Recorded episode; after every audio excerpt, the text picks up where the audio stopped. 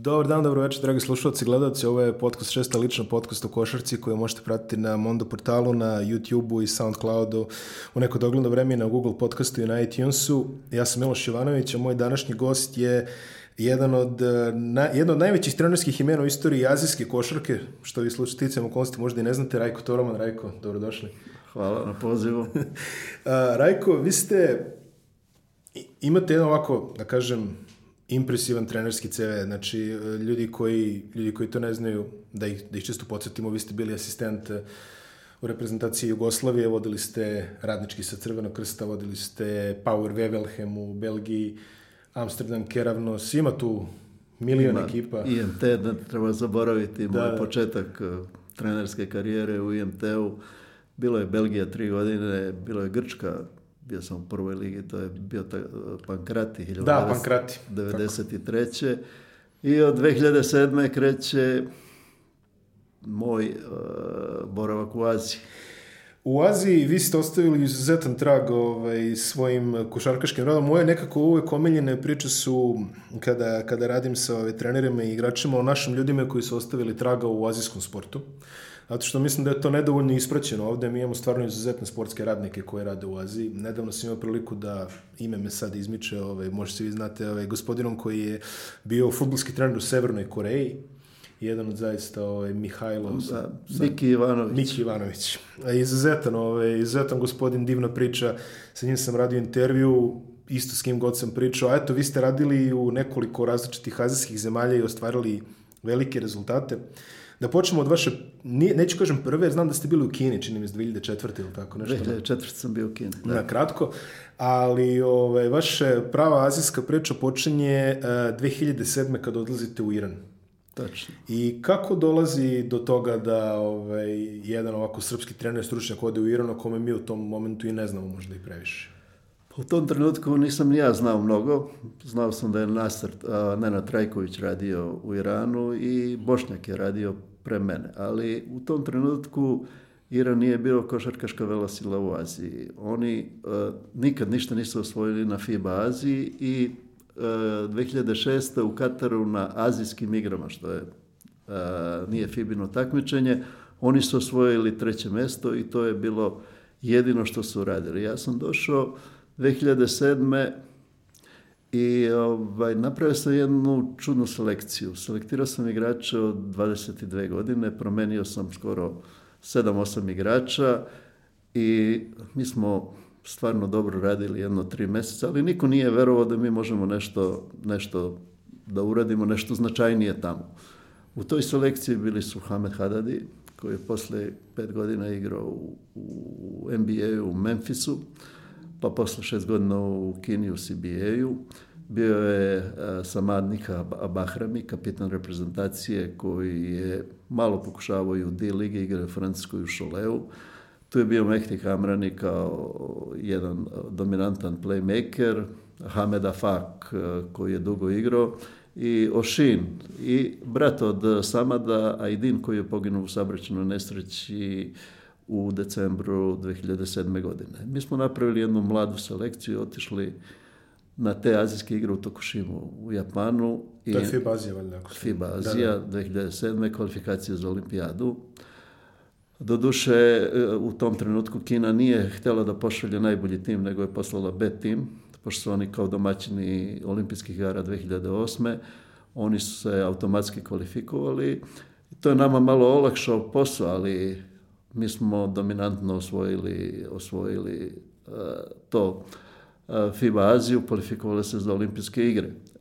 Posle tog velikog uspeha, to je otprilike kad skočite iz osnovne škole na koleč. Mislim, ni organizacijski, ni federacija nije bila spremna za tako nešto. Međutim, ja sam u dogovoru sa Zoranom Radovićem napravio pred olimpijadu jedan plan gde smo mi u četiri meseca odigrali oko 30 utakmica. Mi smo bili stalno u avionu. Ja sam imao oštre kritike u Iranu gde su mi zamerali da je to prevelik broj utakmica, da je to da nećemo biti da ćemo biti umorni za olimpijadu.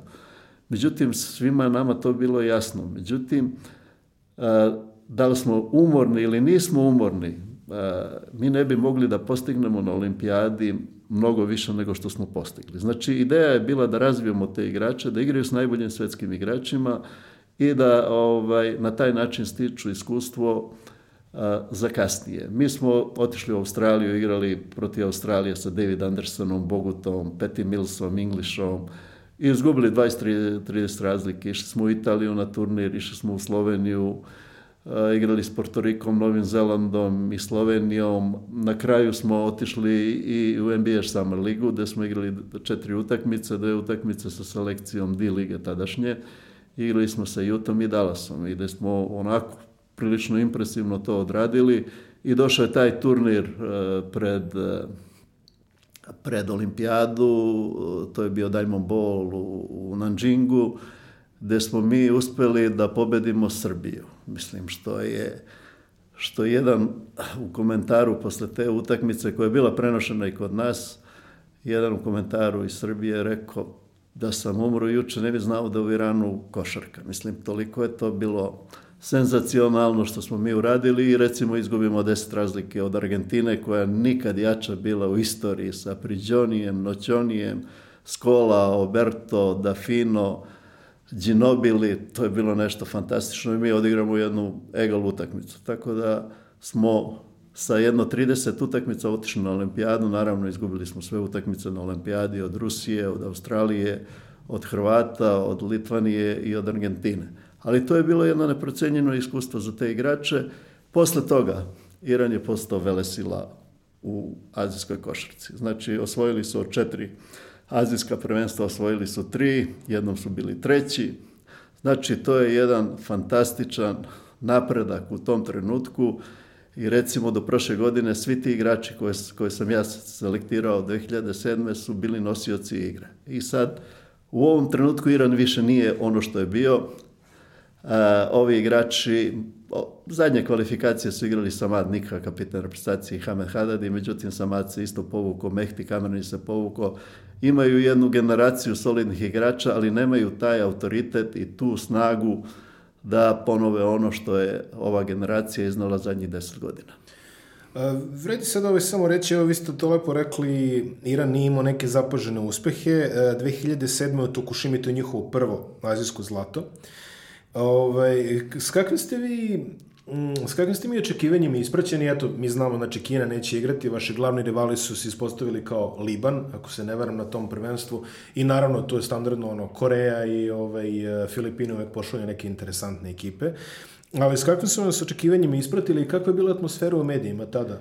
Pa bilo je veoma, bili su skeptični, čak je bila neka informacija se pojavila da se naš predsjednik toliko uplašio da je htio da odustane od, od azijskih igara zbog toga što je to prvi put e, tako jedna reprezentacija koliko toliko mlada sa 22 godine sa dosta neafirmisanih igrača je otišla.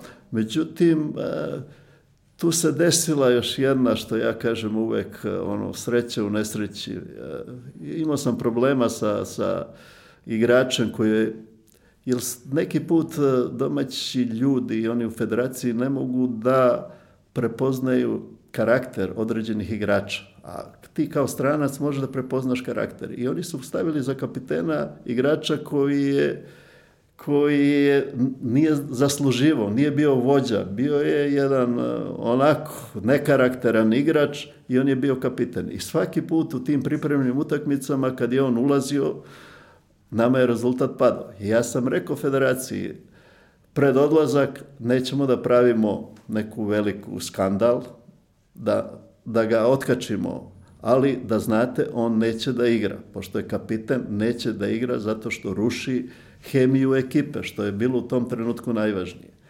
I onda se dogodi dan pred odlazak, on se povredi, taj eh, kapiten ekipe. Na sreću, povredi se čovjek, stavimo, postavili smo Samad Nika Bahramija kao jednog karakternog igrača, fenomenalnog igrača i čoveka, postavili za kapitena i u tom trenutku napravili smo fenomenalnu hemiju koja je trajala jedno 7-8 godina.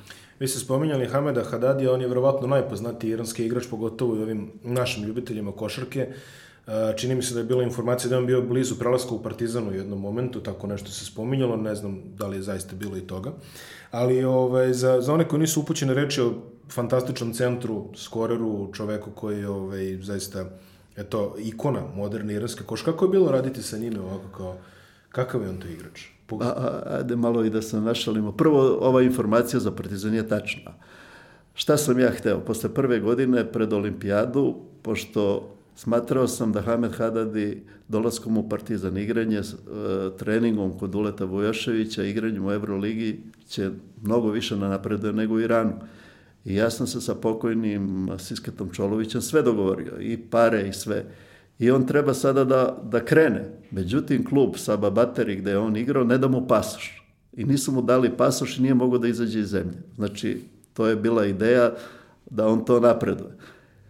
Ovaj, Hamed je, recimo ja ga stalno upoređujem sa divcem. On ima IQ za košarku jedno 300, 500, ne znam koliko. To je fantastično fantastično ovaj, pametan igrač, uh, timing, pas, on, u CBA-u sad u zadnjih godina mnogo imao triple double -a. To je jedan, jedan prepament igrač, ali malo lazy, ono, malo lenj što, što se kaže. I sad ovaj, pre neki dan, baš pre 5-6 dana, čuli smo se, on igra u Šanvili u, u, u Libanu i on meni kaže, coach, kaže, ovde su toliko lenji.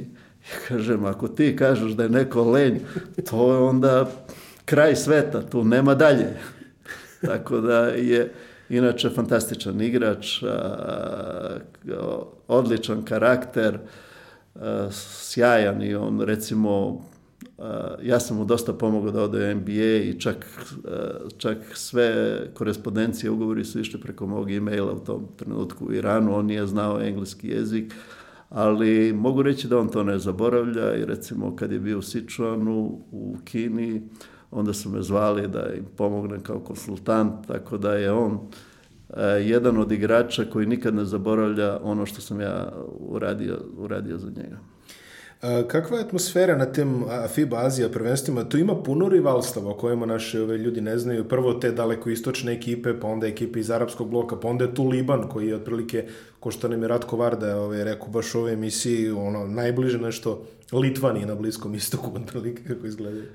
Pa otprilike veliko je rivalstvo, tu postoje arapski i iranci. Mislim, iranci su potpuno drugačiji. Od, ja sam radio i bio sam selektor Jordana, radio sam u Bahreinu gde su Arapi. Oni su, ovo što kaže ovaj, Hamed, mnogo lenji su i nisu karakterni. Recimo, mogu to i da objasnim u Bahreinu, jedan klub je dominantan zadnjih deset godina, to je Manama, Zašto su? Zato što su e, poreklom Persijanci. To je sasvim drugi, drugi karakter. I Iranci su u ono vreme kad sam ja bio tamo, to je jedna vojska. To, je, to su jedno karakterni igrači koji su trenirali do ludila da bi dosekli ovaj nivo što su dosekli i da bi dominirali e, dominirali u Aziji. Evo, mislim, malo je to i ovako e, raritet da da sam ja trenirao tri ekipe, sve tri ekipe su sada na svetskom prvenstvu.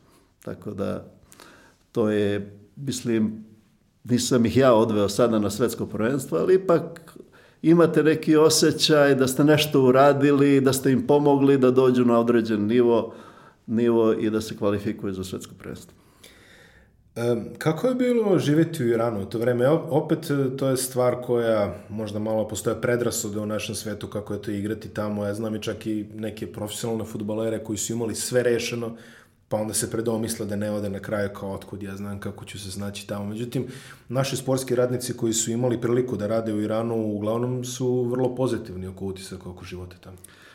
Pa te predrasude i ta propaganda je stravična. Ja kad sam išao u avionu sve mi je prolazilo kroz glavu. Da ću završiti u zatvoru kod radikalnih islamista, da će me zavrnuti, prevariti za pare, da će to biti sve. Ja sam zatekao tamo jednu fantastičnu atmosferu, jedne korektne ljude, da je nikakvi problem, niti je bilo sa parama, niti je bilo u relacijama, niti je jednostavno Ja o Iranu mogu da kažem sve najbolje. Specijalno Teheran je fenomenalan grad, taj severni deo eh, Teherana, blizu onih velikih planina, to je nešto fantastično. Imaju ulicu Valijas 30 km koja ide od severa do juga. Ljudi su pristupačni, intelektualci. To je jedna sasvim druga, druga kultura i to je jedna fenomenalna zemlja. A kako oni posmatraju sport? Ja znam da je kod njih futbol izuzetno, recimo, popularan, imaju ona rivalstva, ono, e, između onih Persepolisa i još jedno, sam se Piruzis, čini mi se da zove druga ekipa. Ali ovo, ovaj, ja sam gledao neke dokumentarne iz Irana gde se primećuje da mladi dosta gledaju košarku, na primjer, da ih to zanima. Kakvu ste vi atmosferu, vi ipak dolazite iz eminentne košarkaške zemlje, pa kako mi je izgledalo to u Iranu? Kako je? Pa njihov je prvi sport, e, to je futbal. I to kad igra Persepolis koji ste pomenuli, Estegal. Estegal, Estegal, je, Estegal je drugi klub. E, sva dešavanja tamo su ta, e, u Azadi sport centru, gde je futbalski stadion, košarkaška sala, rukometna sala, dizanje tegova, sve, sve, sve tamo. Kad igraju ova dva kluba, to se od subote, ako se igra u nedelju, to se kampuje. To je 140.000 ljudi. To je, to je fantastično. Drugi sport po, po značenju tamo je odbeka. I tu su bili ovaj, isto dosta naših ovih trenera. E, pre svega tu je bio, najduže se zadržao Jovica Cvetković koji je sa kadetima osvojio svetsko prvenstvo, tu je bio Zoran Gajić, tu je bio Igor Kolaković. Sad je e, Kovač, ne mislim, bio nedavno. Bio je i Kovač, tako da, da je to po interesovanju. Treći sport je, dobro ovo, ne, dizanje tegova i to što, što se ne, ali košarka je treći, treći sport. Ja sam rekao, moj najveći uspeh u Iranu što je košarka kad smo osvojili FIBA Aziju izašla na prvoj strani e, sportskih novina kojih ima 20 u, u Iranu. Znači, kad, kad smo mi gurnuli futbal na, na zadnje strane, da smo bili, to je, to je bio fantastičan uspeh. Posle Irana, uh, vi odlazite u zemlju koju sada već i nije toliko tajna, koja je prava zemlja košarke u Aziji. Odlazite na Filipine. Kako dolazi do kontakta sa filipinskim zvaničnicima, pošto Filipini, za, da dočeramo našim ovaj, slušalcima i gledalcima, je zemlja sa stogodišnjom tradicijom košarke, otprilike. A, baš jedna izuzetno, izuzetno košarkaška zemlja u kojoj drugi sport de facto i ne postoji. Oni žive, dišu košarku, njima je to sve glavno, igraju na ulici, kako god i kako god. Znači, i vrlo su, što se mene, meni se čini da su oni ovako vrlo svoj svet košarkaški. Ovaj, kako dolazi do kontakta sa vama? Pa prvo, kad sam vodio Iran, bili smo u istoj grupi i tu smo, ovaj, tu smo se sretali i bili sa, John, na John's Scoopu smo igrali i posle smo se bili u istoj grupi i sada posle ove četiri meseca ove Golgote gde smo nije lako dosta utakmica izgubiti sa Iranom u pripremi za olimpijadu. Mi se vraćamo sa olimpijade, Ja čekam kartu za Srbiju, s tim da sam s predsednikom dogovorio da se za dva mjesta čujemo oko nastavka saradnje. I otvaranje FIBA Azije za juniore i do mene sedi Filipinac, generalni sekretar Filipinske federacije. I on priđe meni i kaže, ja tebe znam, kaže, mi pravimo neki novi program, ja mislim da si ti pravi čovek za to, ajde idemo sutra za Filipine i vratimo se ponovo nazad.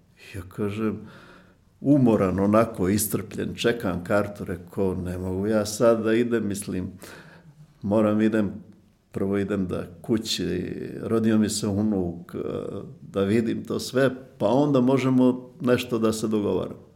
I završi se to, ja odem, oni mi pošalju kartu, ja odem tamo. Prvo što sam gledao, e, koleč košarku, LaSalle, Ateneo. Green Archers.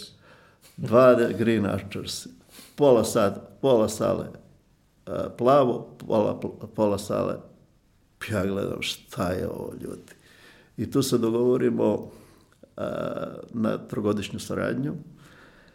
S tim da su oni 25 godina ništa nisu uradili na FI bazi. Uvek su, uh, uvek su odlazili sa igračima iz pba i nikad ništa nisu uradili. Samo da kažemo odmah, PBA je profesionalno filipinska košarka. Jeste, i to su profesionalci koji su svi ikone tamo. Oni su bogovi, oni, oni ne mogu da idu u restorane, ove javne restorane, jer to dođe jedno 500 ljudi da se slika i da uzme autogram od njih. Znači, u čemu je bio tu problem?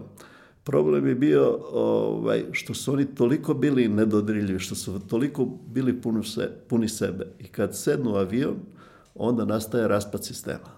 Ovaj, zato što niti su imali disciplinu, niti su imali neki sistem igre i sve to. I ono, ono što oni uvek sebi, dok sam ja bio tamo, mi smo mali. Ja kažem, dobro, ne možete da porastete za, za ove dve godine, nećete biti viši. Ajde da uradimo neke stvari koje možemo da uradimo. Ima još deset stvari u načinu treniranja, u selekciji, u treningu, koju možemo da popravimo. A ovu visinu to ćemo pokušati da popravimo, da uzmemo nekog ovaj, stranca i da, da, ovaj, da rešimo, rešimo taj problem. I onda sam ja napravio jednu selekciju od 30 igrača, e, gledao sve koleđ utakmice, tu su mi bili košarkaška ikona sa, sa Filipina Chris Chu, kapitan Gilasa, i jedna, jedna neverovatna ličnost, e, čak e, kad dolaze Tony Blair i ovi, njega pozivaju na, na večeru sa njima, to je jedna, jedan dečko koji je neverovatan karakter, neverovatan. Znači tu je bio i Džapet Aguilar, tu je bio Greg Slaughter, tu smo selektirali Junmar Farah Fahardo, Mag Baroka, Marshall Lassiter. Dosta igrača koji su sada u reprezentaciji napravili smo jednog jednu selekciju. Tri godine se nismo takmičili. Išli smo po Dubaji, Australija, igrali turnire, turnire i ovaj, e, spremali se za FIBA Aziju za FIBA Aziju koja je bila u Kini, u Wuhanu 2011. E, I to je izgledalo fenomenalno. Gdje god smo otišli, Filipinaca svuda ima, u Australiji, u Emiratima, u Kataru, u, u Libanu. To je jedna bila selekcija koja je zračila, mi smo igrali i dobro. Jedini problem bio nam je u početku stranac. Mi smo pokušali sa CJ Gilesom, koji se pokazao da koji je strašan igrač i on je NBA potencijal, ali karakterno nije mogao da odgovori, taj njegov način života nije, nije mogao, a na Filipinama gdje je sve dozvoljeno, nije mogao da se kontroliše. Onda smo uzeli Jamal Samsona, jedno isto NBA igrač, ali to je on je mekan, mislim on izgleda snažno jako, tako da smo tek sa Markusom Dauthitom našli neku, neku normalu. On nije veliki igrač, mislim da su ova dvojica čak i po snazi ovo, ali je bio ono što je nama trebao normalan, da može da živi tamo i da, da igra jedno, dve, tri godine za taj gilaz da nas digne, digne na određen, određen nivo. Uh, Filipini su Košarka je religija, kao što si rekao, to je, to je nešto fantastično. Mislim, oni su sad sagradili salu, to je 54.000 ljudi na otvaranju sezone, imaju taj klub i Nebra koji je eh, najpopularniji sa 30 miliona navijača i to su, to je jedna košarkaška zemlja i mislim koja, koja je orijentisana i koja gleda prema Americi. ja sam Ja kažem to, ja sam jedini trener koji je bio i koji će biti ikad na Filipinima. Jer svi, i dobro, ima taj sindikat njihovi, pokušavaju da se zaštite. Ja sam proveo tri godine u, u Gilasu, u reprezentaciji, dve godine u PBA-u. I oni čak nisu hteli da mi daju dozvolu da, ovaj, dozvolu da, da budem trener u PBA-u, jer u njihovom pravilniku piše da moraš da služiš tri godine nacionalnom timu, što sam ja odradio. A ne, da mora, da Amerikanac mora da služi tri godine. Znači oni nisu ni pretpostavljali da bi mogao neko drugi sem Amerikanca da dođe, da dođe na mesto, na mesto trenera. Tako da e, i ovi neki moji prijatelji treneri kako da se dođe teško, vrlo teško orijentisano su prema Americi, sve kao Amerika. Tu imaš, tu imaš takmičenje high schoola, koje je isto veoma zanimljivo, da dođe 4-5 hiljada ljudi. Imaš e, koleđ koja ima dve lige, UAP i NCA. UAP je jača, gde su Lasali i Ateneo, UP, i imaš NCAA, gde su San Beda najbolji, kao najbolji klub, onda imaš D ligu, G ligu, kako god hoćeš, imaš draft i imaš PBA. PBA to je liga non stop. Znači, tu ima tri konferencije, Uh, svaka, zašto tri konferencije? Pa to je... Samo prvo moramo da, da objasnimo ovaj, šta znači konferencija u filipinskim terminima. Konferencija znači, ovaj, igra se tri konferencije. Prva konferencija ko, koja je najprestižnija, koja sad traje, All Filipino. Znači, samo Filipinci, nema stranaca. I tu je ona Drugo, mora da se razjasni da svaka ekipa može da ima pet e, fil Amerikanaca. Znači oni koji su, ne može, sedam mora biti, odnosno kod njih je 14 u rosteru, ovaj, devet mora da bude original, or, original Filipinci. I to, to traje, ovaj, sad su malo zbog ovih prozora, malo su to poremetili, to traje jedno tri, tri po mjeseca, najprestižnija liga i to ko osvoji, to je to je neverovatno, nešto neverovatno. I ovaj, druga, druga e, konferencija, to je e, konferencija sa jednim strancem Unlimited Height. Znači oni uvek pate od te neke veličine i u toj drugoj konferenciji možda dovedeš koga hoćeš. A u trećoj konferenciji, to je handicap konferencija, ovaj, tu prva, dva, prva četiri tima mogu da dovedu stranca do 6-3, to je do 190. Ove, ovaj, ovi četiri tima u sredini 6-6, to je 2 metra i ovi zadnji da bi malo nivelisali kvalitet, da bi malo niveli, nivelisali taj kvalitet. I ovaj, zašto se igra tri konferencije? Pa to, to je biznis tamo. Imaš tri play-offa. Imaš tri play-offa gde su hale prepune. I zato ti možeš tri puta da budeš šampion ovaj, u, u toku jedne godine. Znači, de facto oni imaju tri šampiona i to je ono što zbunjuje ljude ovaj, kada kažemo konferencija Euroterminova Filipiskoška, mi bismo to zvali polusezona manje više i ko osvoji sve tri dobija titulu Grand Slema. To je, eh, ja uvek kažem, ovaj, Grand Slam je nešto najviše što možete da, da, da dobijete ko osvoji Grand Slam. Bilo je tih nekih timova. Tim Kohn je da. osvojio sa Aljaskom, čini mi se. Tim da. Kohn mora da se kaže da je to ovaj, da je to najtrofejniji trener sa, mislim da je osvojio jedno 16, 16 eh, konferencija. Čovek koji igra i dan danas triangle i ovaj, jednostavno to je eh, čovjek koji ima najviše osvojenih titula. A ja moram ono s moje strane gledešta da je mene, da je mene taj Grand Slam ubio. A zašto? Ovaj. Ja sam imao dogovor s predsjednikom kluba Mani Panelinom, sa predsjednikom federacije koji je bio vlasnik i, i reprezentacije i token teksta i Meralka i Enlexa i Atenea i San Bede, znači on vodi jedno 5-6 klubova.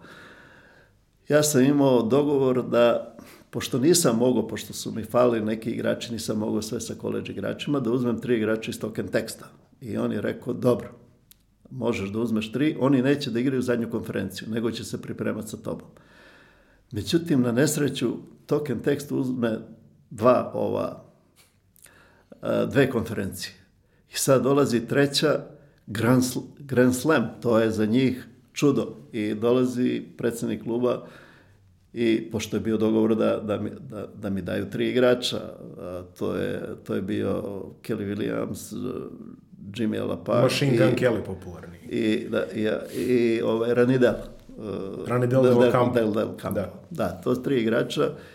I sad dolazimo mi, zove me na sastanak predsednik kluba, kaže, coach, jel mogu da pozajmim tri igrača od tebe? Ja kažem, koje su moje opcije? Pa kaže da mi daš i da mi daš. I jednostavno, oni su uzeli, ta tri igrača nisu se pripremali sam. I odu u finale i igraju sa San Miguel Birmenima sedmu utakmicu. I to se produži do dve nedelje do prvenstva. Znači ja te igrače nisam imao. I on, predsednik kluba koji uvek, predsednik federacije koji uvek brinu o igračima, o povredama, da, da ih ne optereti mnogo, daje njima deset dana odmora. Ja kažem, predsedniče, neće ovo valjat. Ovaj, oni ne mogu za tri dana da uđu u sistem koji mi radimo godinama. Radimo tri godine. On meni kaže, coach, kaže, ne znaš ti naš Filipinci, mi to fiksiramo u zadnji moment i sve bude kako treba. Ja kažem, coach, pa ni, ovaj, predsedniče, nije ovo sastanak da mi organizujemo, to je jedan sistem. Kaže on meni, e, oni će doći iz Amerike, Jimmy Alapag i, i Kelly Williams i četiri dana pred prvenstvo, pa ti treniraj dva dana s njima, pa ako se ne uklapaju u tvoj, tvoj sistem tih, e, ovaj, ono, saseci, nemoj da ih vodiš. I kažem, predsjedniče, pa mi govorimo o Jimmy Alapagu, o Kelly Williamsu, to su, to su gromade ovde, Ne možemo tako sa njima. Možemo da im kažemo da produže odmor, da ne dođu, pošto je kasno, ili ako dođu, da idu na, na, na, na to. Znači, nema selekcija dođi, pa i dobro, oni su došli i, i tu smo mi izgubili dosta. Jer to su sve kvalitetni igrači, ali jednostavno i pomoćni trener bio Čo Trejac, koji je bio tada taj trener token teksta. Token teksta Znači, sad smo imali dve, dve, e, dve kolone. Jedna kolona je token text sa njim i jedna kolona je ovo. I mi smo uspeli da uđemo u polufinale posle 25 godina. Izgubili smo od Koreje jedan razlike, nesretno, ali mislim da, da, da, da su ti tri, tri igrača, da smo mi bili ranije, da, da je to...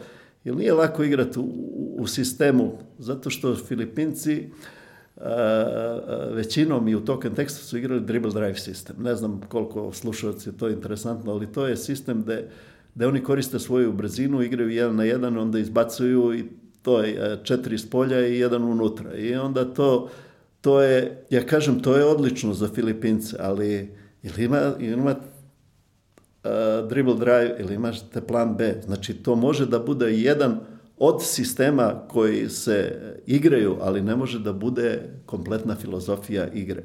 I tu smo mi jednostavno nismo mogli da nađemo harmoniju između ova tri igrača koji su nam se priključila i ova, ovih ili recimo mi smo bez njih bili na John's Cupu osvojili uh, John's Cup na kineskom Tajpehu bez tih igrača znači igrali fenomenalnu košarku i kad su došli ovi koji su iskusniji i bolji možda igrači od ovih mojih, ali sistem igre, hemija, to je nešto što ne može, ne može da se veštački večerački namesti. Da dočeramo malo ljudima koji, ovaj, koji mislim da smo pali s Marsa trenutno pričamo o ovoj košarci, znači Uh, vi ste rekli, košarka je dosta po uzoru na američku, organizacijski jeste, takođe na parketu igra se 4 puta 12 minuta u PBA-u, eh, imaju pravo na šest ličnih grešaka, postoje gradacije tehničkih grešaka, čini mi se i nesportskih flagrant 1, flagrant, flagrant flagrant 2 i tako dalje što sve imali.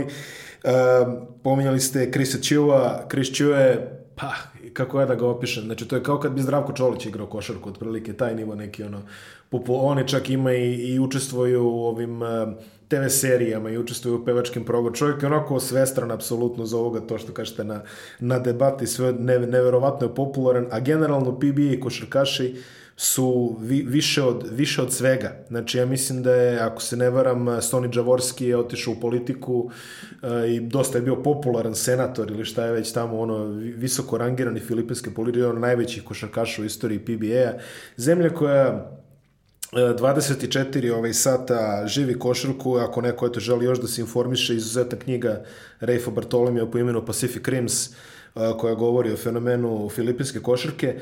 Vi ste odigrali to FIBA Aziju 2011. da ste bili četvrti, jer tako je to da. bilo, da. Onda ste radili ovaj, u PBA-u. Pokušajte dočarajte da taj, tu atmosferu PBA-a za ljude koji prate evropsku košarku. Recimo, eto još jedna zanimljiva stvar. Spominjate Amerikance, čisto da naši ove, i stranci ili generalno, da naši ove, slušalci znaju u Filipinima od vas se kao Amerikanca očekuje da imate proseku 40 poena po utakmici, inače ste im beskorisni manje više. Pa to je, to je, e, samo da napomenem da Džavorski nije prvi, prvi primer e, političara.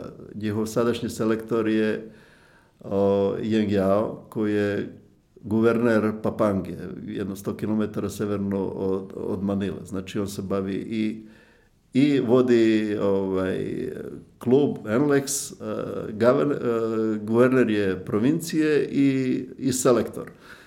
Uh, nije lako igrati na Filipinima. Svi misle, to je ono, I ja kad sam bio u Evropi, onda mi daju statistiku sa Filipina, ono 40, 25 i, i o, reko kakvi su ovo indijanci tamo. Kad dođete tamo, to je jako zahtevna i teška liga.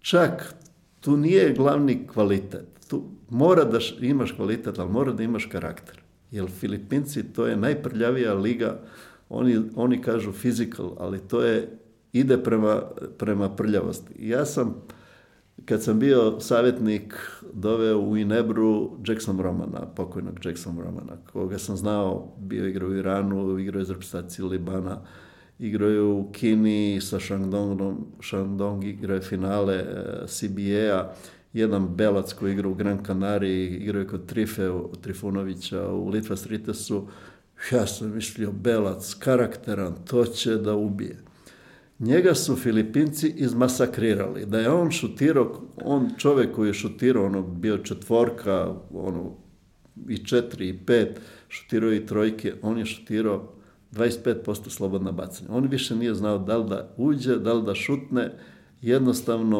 o, i zato sam ja uvek tvrdio kad doveo sam i Marcus Faison koji je igrao za Unikahu, doveo sam San Miguel Bierman, sjajan igrač koji igra za Unikahu, mislio, mislio sam ono, ma kakve, ne. Jednostavno tu moraš biti mnogo snažan i mnogo karakteran da bi, da bi opstao u, to, u toj ligi. Nije lako igrati Filipinsku ligu, nije lako.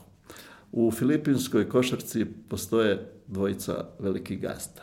i to je Mani Panelinan, predsednik federacije i vlasnik tri kluba Token Text Meralco drugi je Ramon Ang.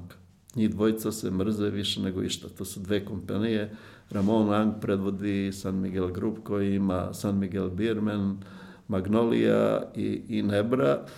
I ima neke a, timove koji a, faktički ne pripadaju njemu, ali, ali ono to tajno. Da, da. Jer poenta tamo tako i, i token tekst i ovo imaju Blackwater koji, preko kojeg rade određene stvari. E, tamo su trejdovi, isto kao u nba u imate trejdove, međutim ne možete e, sestrine timove da trejdujete, ne možeš iz token teksta u Meralku, ali imaš zato Blackwater pa, pa obiđeš malo oko Blackwatera i onda ti Blackwater tako, to je javna tajna tamo, ali to se tako tamo radi. Znači, da, da bi pojačali tim, oni ovaj, koriste te usluge treće. Jedini dva, ono koja ja vidim kao nezavisna tima, to su Alaska i Reno Shine. Alaska je mleko, vlasnik je Phil Amerikanac, a Reno Shine proizvodi Farba. boje za, za zidove. Stav, i da, Elasto Painters. Da jest, Elasto da, Painters, jest. O, e, da kažem još od košarkaša koji su bili poznati na Filipinima, Bruno Šundov je bio, ovaj, čini mi se, jednu sezonu. Bio je DJ Mbenga, bivši igrač Lakersa i reprezentativac Belgije. Ja dalje se ne sjećam da li bio neko ko je... Ali eto, oni su bili interesantni, međutim nisu mogli da nadomeste te norme da čovek postiže tamo 40 poena. Bio je jedan gospodin koji je igrao u u NBA u Portlandu još je živ, sad sam zaboravio kako se zove, ali on je dominirao Filipinima 80-ih, zvali su ga Crni Superman, čovjek je ubacivo 50 u proseku otprilike. Sad mi, ime mi izmičali, sad će se već, nije bitno. Sad u slučaju, izuzetno jedno, izuzetno iskustvo u toj zemlji, eto, ovaj, i naravno, neko da, neko da, da kažem, Mane Pacquiao je imao svoju ekipu i bio je registrovan kao playmaker, čuveni bokser. Pa bio je registrovan i kao trener i kao... I kao trener i vlasnik i playmaker. Jeste, kao, I, što ja mislim da, da nije trebalo tako da se... A, bio je incident da je jedan Amerikanac iz njegove ekipe ili iz tuđe ekipe valjda kritiku kao jest, šta, šta, sad, sad ti šta on ulaziš? ima, sutra je posle kući. Tako da... A, ne, to je, to je nedo, Ali ajde da se vratimo na Šundova i, i Benko. Šundov je ovaj, došao tamo i onda su ga predstavili kao Dirk Novickog. Mislim, ja sam znao tog Šundova i ono kad mu gledaš CV, 15 eh, godina, 15 timova. Znači, A i više, ja bih rekao. Eh, I, I više. Znači, on je menjao timove, znači da je on toliko dobar koliko može, koliko izgleda i sa tim šutom za tri pojena fenomenalnim i sa sve tom I oni sad kao mene pitaju šta misliš o Šundove. Kažem, odličan igrač, ali malo ovo menjanje timova, nezadržavanje određenom timu, a drugo da vam kažem, on je, ne znam, 2, 15, ne znam, 2, 16, 2, 15, 2, 16. Rekao, Mark Pingris će imati više skokova, ima 193, će imati više skokova od Bruna Šundova. I naravno, to se, to je Mark Pingris koji je 193 igrao za reprezentaciju, igrao za, za je imao više koša. Zato kažem, ono, Šundov samo potvrđuje ono pravilo, trebaš imati karakter, treba da budeš mnogo snažan, mnogo jak, ne samo kvalitet igrački, nego da bi prošao, prošao u drugoj ligi. A Mabenga je moja priča. To je strašno. Imali smo nekog e, e Brox, Brox i dečko je igrao onako 2-2-2-3 i mi ga menjamo sa Mabenkom. Kod mene u Baraku bio dolazi čovek, Mabenga, ja ga znam još iz Belgije, kad je došao iz Konga ovaj, u Belgiju 99. To je, to je jedna vjačina, jedna snaga, jedan skok. Međutim, on je tu već bio malo i povređen i sad mi, a na Filipinima tamo na treningu imate po 10 helpera. To su talentovani ljudi koji rade za male pare, koji brišu parket, sude, masiraju, vraćaju lopte, rade deset, deset stvari. I naravno masiranje i benga onako kako to je jedno 150 kila mišićne mase, on samo legne i jedno petorica ga masiraju. I krenemo mi u prvu utakmicu i on prvi šut fade away. Pa ljudi moji, čovjek od 140 ili ne znam koliko ima kila mišićne mase, pa to, to, može i, to možemo i sa drugim.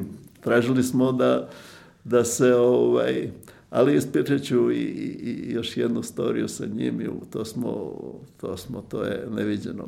On je igrao u Lekircima svoje dva prstena i igrao... Kao 15. igrač. Kao 15. igrač, ali tek ja sam posle video na nekim snimcima da kada on uđe da se cela klupa Lekirsa smejala. Sad mi ga pitamo ono dva, on možda ima prosek 1,3 poena, kako, znaš, znaš, to, takva jačina, snaga i to sve. Pa kaže, mi uđemo u triangl i oni meni dodaju na onom e, mid postu, znaš, i kaže, ja taman da krenem u neku kretnju kad ko bi bran, š, š, zove da mu se vrati lopta i to je bilo... To je bilo objašnjenje. Znači, sputavao ga je bi Bryant. Sputavao ga je Kobe Bryant. Kaže, Dobro. I to je bila loša epizoda, to je sa njim, to je bilo strašno. To je taka prevara od igrača, kako smo mi to uspeli da, da, da napravimo grešku sa njima, to je strašno. Dobro, svakako završili ste epizodu u Filipinima, bili ste još i selektor Jordana, ako se ne veram. Da. I o, ovaj, samo sad se upravo sjetio nečeg prema što dođemo do Jordana, vi ste imali turneju sa Gilasima po Srbiji, ako se ne varam. Jest. I sećam se, čitao sam ovaj dnevnik Krisa Čuva sa turneje u kojem on kaže izuzetno teška utakmica danas, igrali smo protiv jednog ozbiljnog NBA, bivšeg NBA asa, bilo je jako teško, ovo je strašno, te... igrali su protiv Mislim da je bio Vršic i da je bio Stefan... Ne, Mililić je bio. Mile Ilić, ali, ali, da. igrali smo i Hemofarm, su bili, igrali smo sa Bobi Marjanovićem i Stefanom Markovićem i oni su tada videli šta znači kakva je to jačina ovaj, srpska, srpska košarka i dan danas, evo sad, Uh, sam se par puta uključivao u žive emisije gde pitaju da li oni mogu nešto da urade, Eh, protiv Srbije, kažem, neću da vas razočaram, ali Srbija možda će izaći sa najjačim timom u istoriji u zadnje vreme, bit će pet NBA igrača, 7-8 iz Eurolige, znači to su 12 igrača koji igra najviše nivo. Ipak su Filipinci Filipinci ti koji su jači na domaćem terenu. Kad dođe 54.000 ljudi, mislim, to je jedna sasvim drugačija situacija nego kad odu na stranu. Oni imaju podršku uvek svuda Filipinaca, ali e, sama e, oni se ne osjećaju toliko moćni koliko se osjećaju na Filipinima. Srbija je inače u grupi sa Filipinima na ovaj predstojeće Mundo Basketu u Kini, odatle ovaj, i ova diskusija, tako eto malo i da naučite o rivalu koji nas neomitno čeka.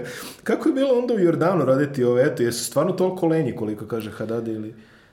Pa jesu, dosta su lenji nego, nego ovaj, Iranci i bilo je vrlo teško. Oni su dosta religiozni u odnosu na Irance i recimo ako je u toku Ramazana prosto je nemoguće raditi, a opet je to, sad je to Ramazan pomeren na maj negde, mislim da je sad počeo, ali... Da, završava se, čini mi se, u e, junu, da, zato što su pomerili afrički futbal nedelju da, da dana da, da, da, bi svi mogli da, da igraju. Da, da. I, ali to je bilo, e, kad sam ja bio, to je bilo u julu, u mhm. julu, u kraj juna i onda teško se i pripremat pošto su oni religiozni. Recimo, ako imamo trening kad dođe vreme za molitvu, mi moramo da, da poveramo. A međutim, situacija kad sam ja došao, oni su imali jedan uh, lep, lepo razdavlje sa Marijom Palmom.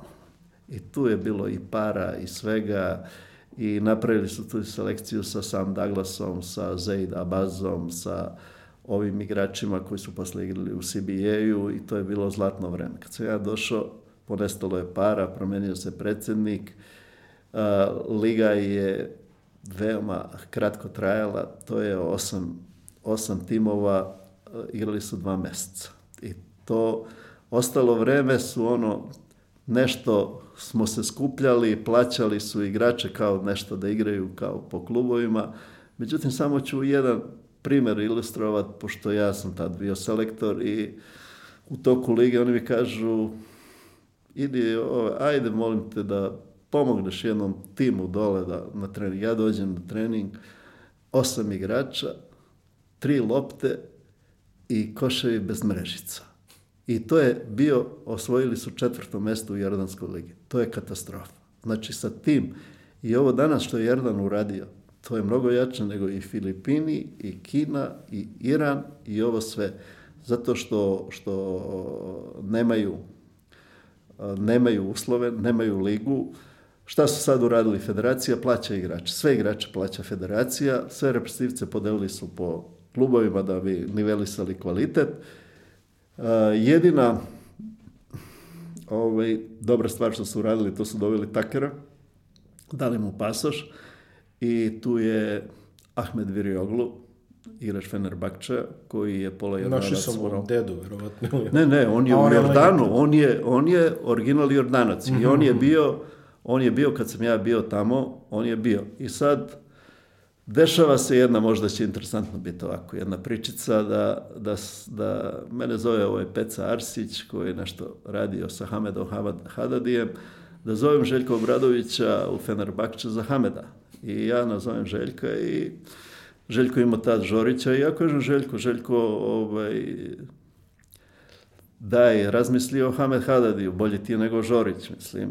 I onda mu ja kažem, ali dobro, ajde to, ti vidi tu, nego zapamti ime, Ahmed Verioglu, stavi ga na, na tvoju listu, isprati ga, ima turski pasoš, ima i jordanski turski pasoš i ovaj, možeš posle sledeće godine da ga uzmeš. I mi smo tu bili na azijskim igrama sa Dverijem, on je dobio neku ponudu iz Španije, međutim on, on napravi neki dil sa uh, ovim Turkanom, Jahovićem i on dođe u Megu, dođe ovde na trening i uzme ga Duda u Efes. I sad ja sam pomislio možda će Željko da misli da sam ja krenuo da, da nudim Ahmeta da, da. da. prvo sam njemu nudio, pa pa sam ga odveo kod Dude, ali ne, ja sam samo njemu pomenuo, to se desilo slučajno toku leta, ali posle dve godine e, Ahmet je prešao i on je okosnica, okosnica okosnica jordanske reprezentacije. Posle mene došao je, došao je Sam Douglas, njihov najbolji igrač, možda jedan od najboljih igrača svih vremena, međutim njega su smenili u ovim prozorima, pred zadnje prozore i ovo što su sad uradili u zadnjim prozorima gde su dobili, mislim, Novi Zeland i, i, i Koreju, mislim da je fantastično i da je to fantastični uslo, fantastičan rezultat u odnosu na kvalitet lige, novac koji imaju, mislim da svi imaju više novca nego Jordanci i ja im stvarno skidam kapu za ono što su uradili, uradili u kvalifikujući se za svetsko prvenstvo. I na kraju ovaj, da kažemo nešto i o Kini. Vi ste radili u Kini u dva navrata. Znači, a velika pauza je bila između tada navrata. Čim je sad 2016. ili tako nešto skoro i 2004. E sad, umeđu vremenu se mnogo toga promenilo u CBA-u. Počelo je to ono ludilo sa velikim parama i tako dalje. Kako vam se čini kineska liga tada i nekad i sad, što bi rekli? Pa nema tu mnogo promena. Mislim, veoma teško raditi u Kini. To je za mene najteži posao. Oni, o, sve je problem tamo sem novca. Znači, novac je najmanji problem. A tu nema mnogo igrača koji su žalili da nisu isplaćeni sa tim, sa tim ogromnim ciframa. Mislim, ajde, ono što znam, recimo da je Hamed Hadad igrao zadnju sezonu u Sičuanu za 2 miliona, mislim. I to je liga koja je trajala, trajala pet meseci. Oni jednostavno nemaju koncept, niti imaju sistem. Šta je problem tu? Problem je što oni e, dečake talentovane e, od 11-12 godina odvoje od roditelja, odvoje od škole i oni krenu da treniraju i oni su 20 godina u zatvoru. Oni su, žive van grada u, u tim sportskim centrima, ujutro u 6 sati ih dižu, treniraju, jedu, treniraju, jedu, treniraju, spavaju i tako 20 godina. I ti igrači kad dođu do 16-17 godine, oni se ispovraćaju kad vide teren. Jednostavno, oni nemaju taj passion, nemaju tu strast prema, prema košarci. To su jedni roboti. On uđe u salu, Veretko da ćete videti kineskog igrača da šutne loptu oko naši ovi igrači, to, to se takmiči pre treninga, ne, oni čekaju znak pišteljke, oni su tako naučeni i oni se boje samo da ne rade dovoljno. I oni propisuju, propisuju broj sati koje morate da provedete e, na terenu. Ja sam njima rekao, nema problema za mene, mogu, ja sam ludak, mogu 12 sati na terenu da budem, a da znam da je to, da to ima neki efekat, ali da znam kad je to kontraproduktivno, onda, onda zašto to da radim? Zašto to da radim? Ja ću samo navesti jedan primer, posle olimpijade, gde su sve pogubili po 40-50 razlike, e, predsednik CBA dolazi i kaže, ovaj, ha, loše smo prošli, moramo više da radimo. A e, pomoćni trener je Grk, ovaj, što sad vodi Beijing Dakse, e, kaže u četiri meseca nisu imali dan slobodno i on sad kaže moramo još više, više da radimo. Imali su dva meseca pripreme bez lopte, to, to je suludo nešto to su, to su iskasapljeni igrači, to, to nema, tu nema, nema, nema košarke tu. Recimo ja uvek upod, uh, upoređujem njihovog najboljeg premijeka Gao, se zove igra za La, Lion i Teodosića.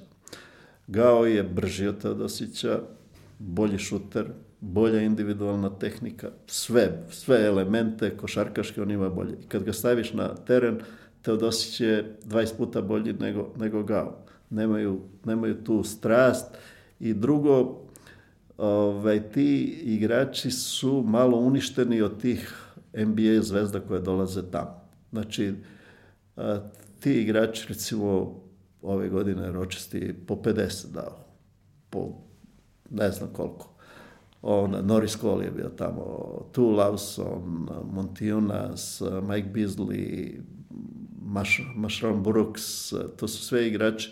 I oni dosta individualno igraju ove, tri četvrtine. I onda stave u zamrzivač ove kineske igrače i onda dođe zadnja četvrtina, sad moraš da igraš sa jednim strancem, znači ne možeš da igraš sa dva stranca u zadnjoj četvrtini. A promenuli su, aha. Ne, prvu, prvu i četvrtu jedan stranac, aha, aha. drugu i treću možeš mogu sa, oba. Da. Mogu, mogu oba stranca. I sad, obično to ostanu bekovi na terenu i sad ovi koji su bili u zamrzivaču tri četvrtine, počnu sa udvajanjem na treneri, obično su to savjetnici ili treneri su iz Evrope, krenu sa udvajanjem i dodaju loptu kinezima koji promašuju i onda dolazi do nesigurnosti, gubljenja, samopouzdanja, i tako. Ceo taj koncept, koncept je, e, mislim da Yao Ming nešto menja, on je sada i predsednik federacije i glavni u CBA-u, ovaj, prvo izbaci, počeo je da izbacuje azijskog stranca. Znači, da bi nivelisali ligu, pre je bilo zadnjih šest timova, možda uzme azijskog stranca. I onda su kao azijski stranci bili Hamed Hadadi, Samadniha Bahrami, Fadi al katib eh, Sani Sahakini, Palestinac, eh, Mehdi Kamrani, znači svi ovi najbolji Iranci, Libanaci, oni su, oni su pojačavali one donje timove da bi Zeid Abaz, Zeid Abaz je napravio fenomenalan rezultat, eh, znači on je uvijek zadnjih šest timova dovodio do play-offa u sedam godina. Znači, e sad je on prve godine izbacio jednog pet, pa četiri, pa tri, pa dva, pa ove godine nije bilo ovaj, nije bilo azijskog stranca. E, mislim, teoretski bilo je moguće, ali Baji ovaj, je vojni klub, on ne uzima stranca i Sičuan koji je osvojio jedinu titulu sa tri stranca kad su igrali Hamed Haddad i Mike Harris i Detmond, oni nisu hteli kao on će da razvija domaće igrače. E, da je uzeo Hameda i Mike Harrisa, mislim da bi opet napravio dobar rezultat. Tako da on to menja. Onda je napravio dve reprezentacije, plavu i crvenu i oni su u godinu i po dana igrali odvojeno turnire i tu sam gleda stavio je dva trenera sa Brian Gordonom kao savjetnikom, u drugom mislim da je ovaj e, Grk, savjetnik i tako oni prave neku pripremu i mislim da se nešto menja. Drugo, imali su pravilo testiranje igrača. To je najluđe pravilo koji kad viđeno u istoriji, istoriji košarke, u istoriji sporta. Znači CBA, ti si da, morao da zadovoljiš kriterijume CBA pred sezonu da bi igrao ligu. Znači tu su bili ono trčanje po širini, ne znam, 17 dužina, onda moraš da ubaciš određeni broj šuta. Šta to CBA? Da li ćeš ti da ubaciš, nećeš da ubaciš, to je, to je tvoj problem.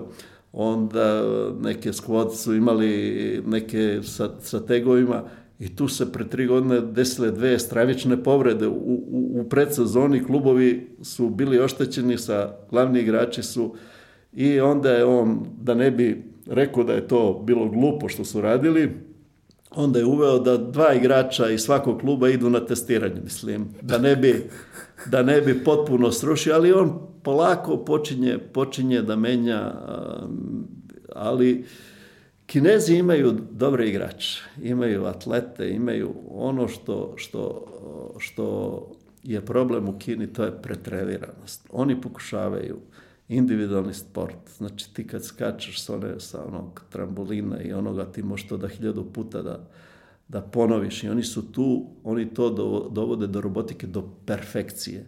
Ali ne možeš ti taj način treninga i tu količinu da treninga preneseš na kolektivni sport, na igru sa loptom. I to imaju problema svi i naši treneri u futbalu i u košarci. Znači, ja mislim da je to i drugo, Uh, oni su neobrazovani. Svi ti igrači nisu nikad išli u školu, nemaju privatan život.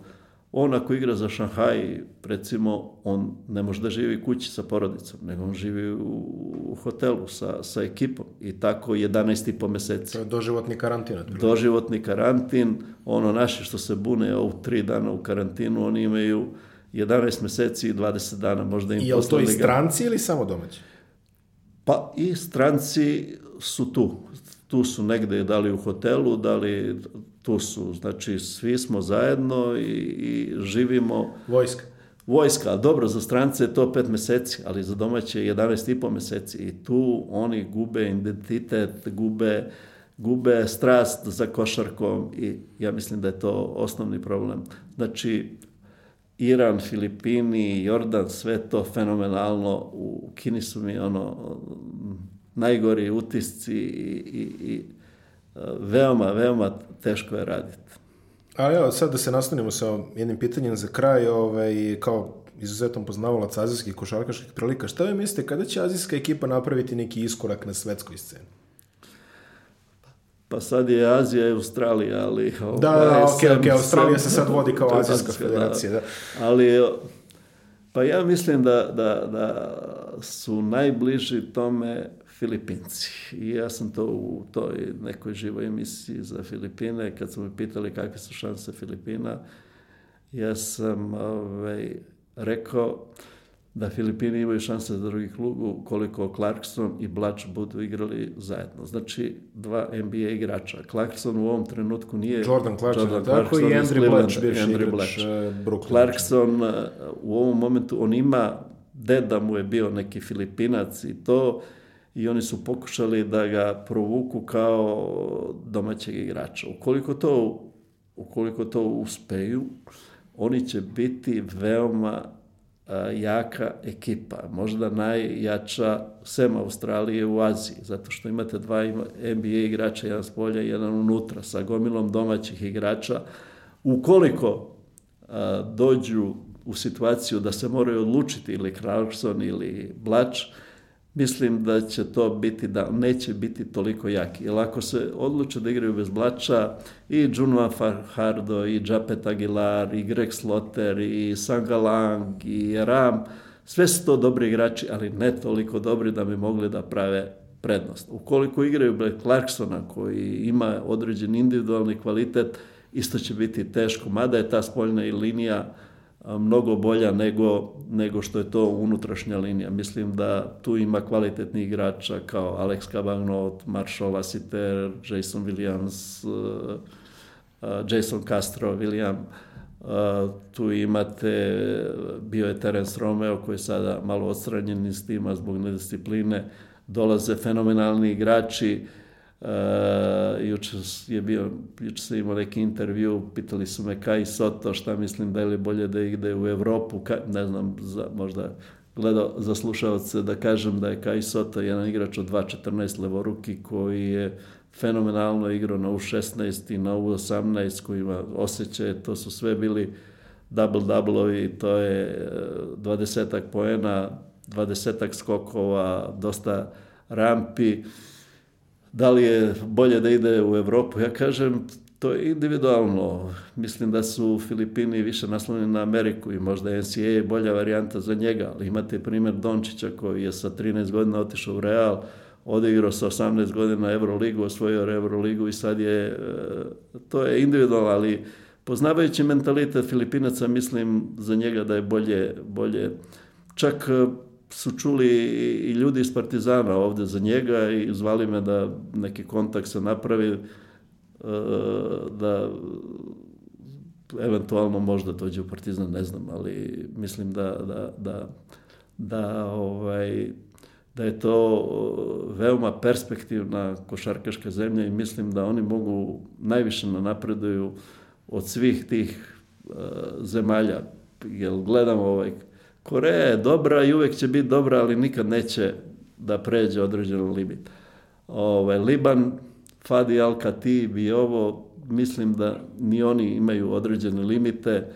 Jordan isto, tu je sad se pojavljuje Japan kao jedna košarkaška nadolezeća Oni su se malo otvorili, nikad nisu imali naturalizovanog e, Amerikanca, to je bio Saguragi, ali on je bio neke veze imao s Japanom, sad je to Nik Fazikas koji ih je digao do, do nebesa. On je igrao u UNLV-u, čini mi se, ili, to će, ili ne, tako nešto u Nevadi igra. Znam da je ovaj, kolega Ognjanović će me već ispraviti, ovo, ali znamo o kom se radi. Krilni centar šutira onako. E, pa on je, on je za njih i 4 i 5. Pa, da, da. E, fenomen čovjek. Igrao je kod mene, u, u, igrao je na Filipinima, igrao je da, u San da. Miguelu. Jedan ekstremno pametan igrač koji ima problema sa zlobom i on čini se da šepa, ali on je najbolji igrač Japanske lige već 5-6 godina posle Filipina otišao je tamo i sad su naturalizovali i oni postaju, još imaju, samo sad sam zaboravio ime jednog igrača koji je, koji je u NCAA-u, koji je fenomenalan Tako da e, Japan... Hačimura, čini mi se. E, moguće, da. moguće. I ovaj, to je jedan krilni, krilni, da, da, e, da, da, da. tanan da je jedan kao kukoč, onako, da, da, da. otprilike. I, ili Nakamura, ne. Ima ih nekoliko tih, da. mislim da ovaj čak nije da, čisti Japanac, da, ali ovaj, Tako da, da mislim da Japanci nadolaze u smislu te Azije, Mislim da su Filipinci bili u zadnje vreme i da će rasti, imaju to Kai Sota, imaju Richie Rivera, jedan igrač na koleđu koji dolazi. E, tu su i Kife Ravena koji je kažnjen bio zbog dopinga, nije igrao. Njegov brat Thirdy Ravena koji je fenomenalna igra, igra za Teneo. E, Paras, e, sad sad vidim da je na draftu i da je potpisao za Blackwater uh, Ray Parks, Bobby Ray Parks. A, uh, Bobby Ray Parks, uh, uh sin, sin od uh, Bobby Parksa. Bobby Parksa koji je probao u Dallasu, čini mi se nešto u razvojnoj ekipi. Probao je u Dallasu, ali još Filipinci nemaju, nemaju tu snagu da bi, da bi ovaj, Uh, I Kiffer Avena je probao, i Džapet Aguilar je probao, ali nemaju još tu snagu. Oni su, ja sam to pokušao njima i kad je ovaj menadžer od eh, Ray Parksa me zvao, daj nađem u tim Znaš, ja kažem čoveče, za njega je PBA fenomenalna liga. Šta tražite hleba preko pogača? Nemojte da, da, da jurite NBA to. Oni su dobri igrači, ali ne toliko dobri da bi mogli da, da, da, da sada još konkurišu za NBA. Jedino ovaj Kai Sato zbog svoje visine i talentovanosti mislim da, da, da bi mogao da, da ode na draft. I evo, samo da završimo sa informacijom, ako ste zaboravili, 2014. Filipini su igrali svetsko prvenstvo, prvi put posle mnogo dugo, odveli su Hrvate u produžetke, a pobedili su, čini mi se, obalu Slonovač ili neko. U svog slučaju upisali su jednu pobedu, vraćaju se posle pet godina, imali ste kompletan privije, što bi se reklo. Rajko, hvala vam na gostovanju. Hvala i, i vama na pozivu.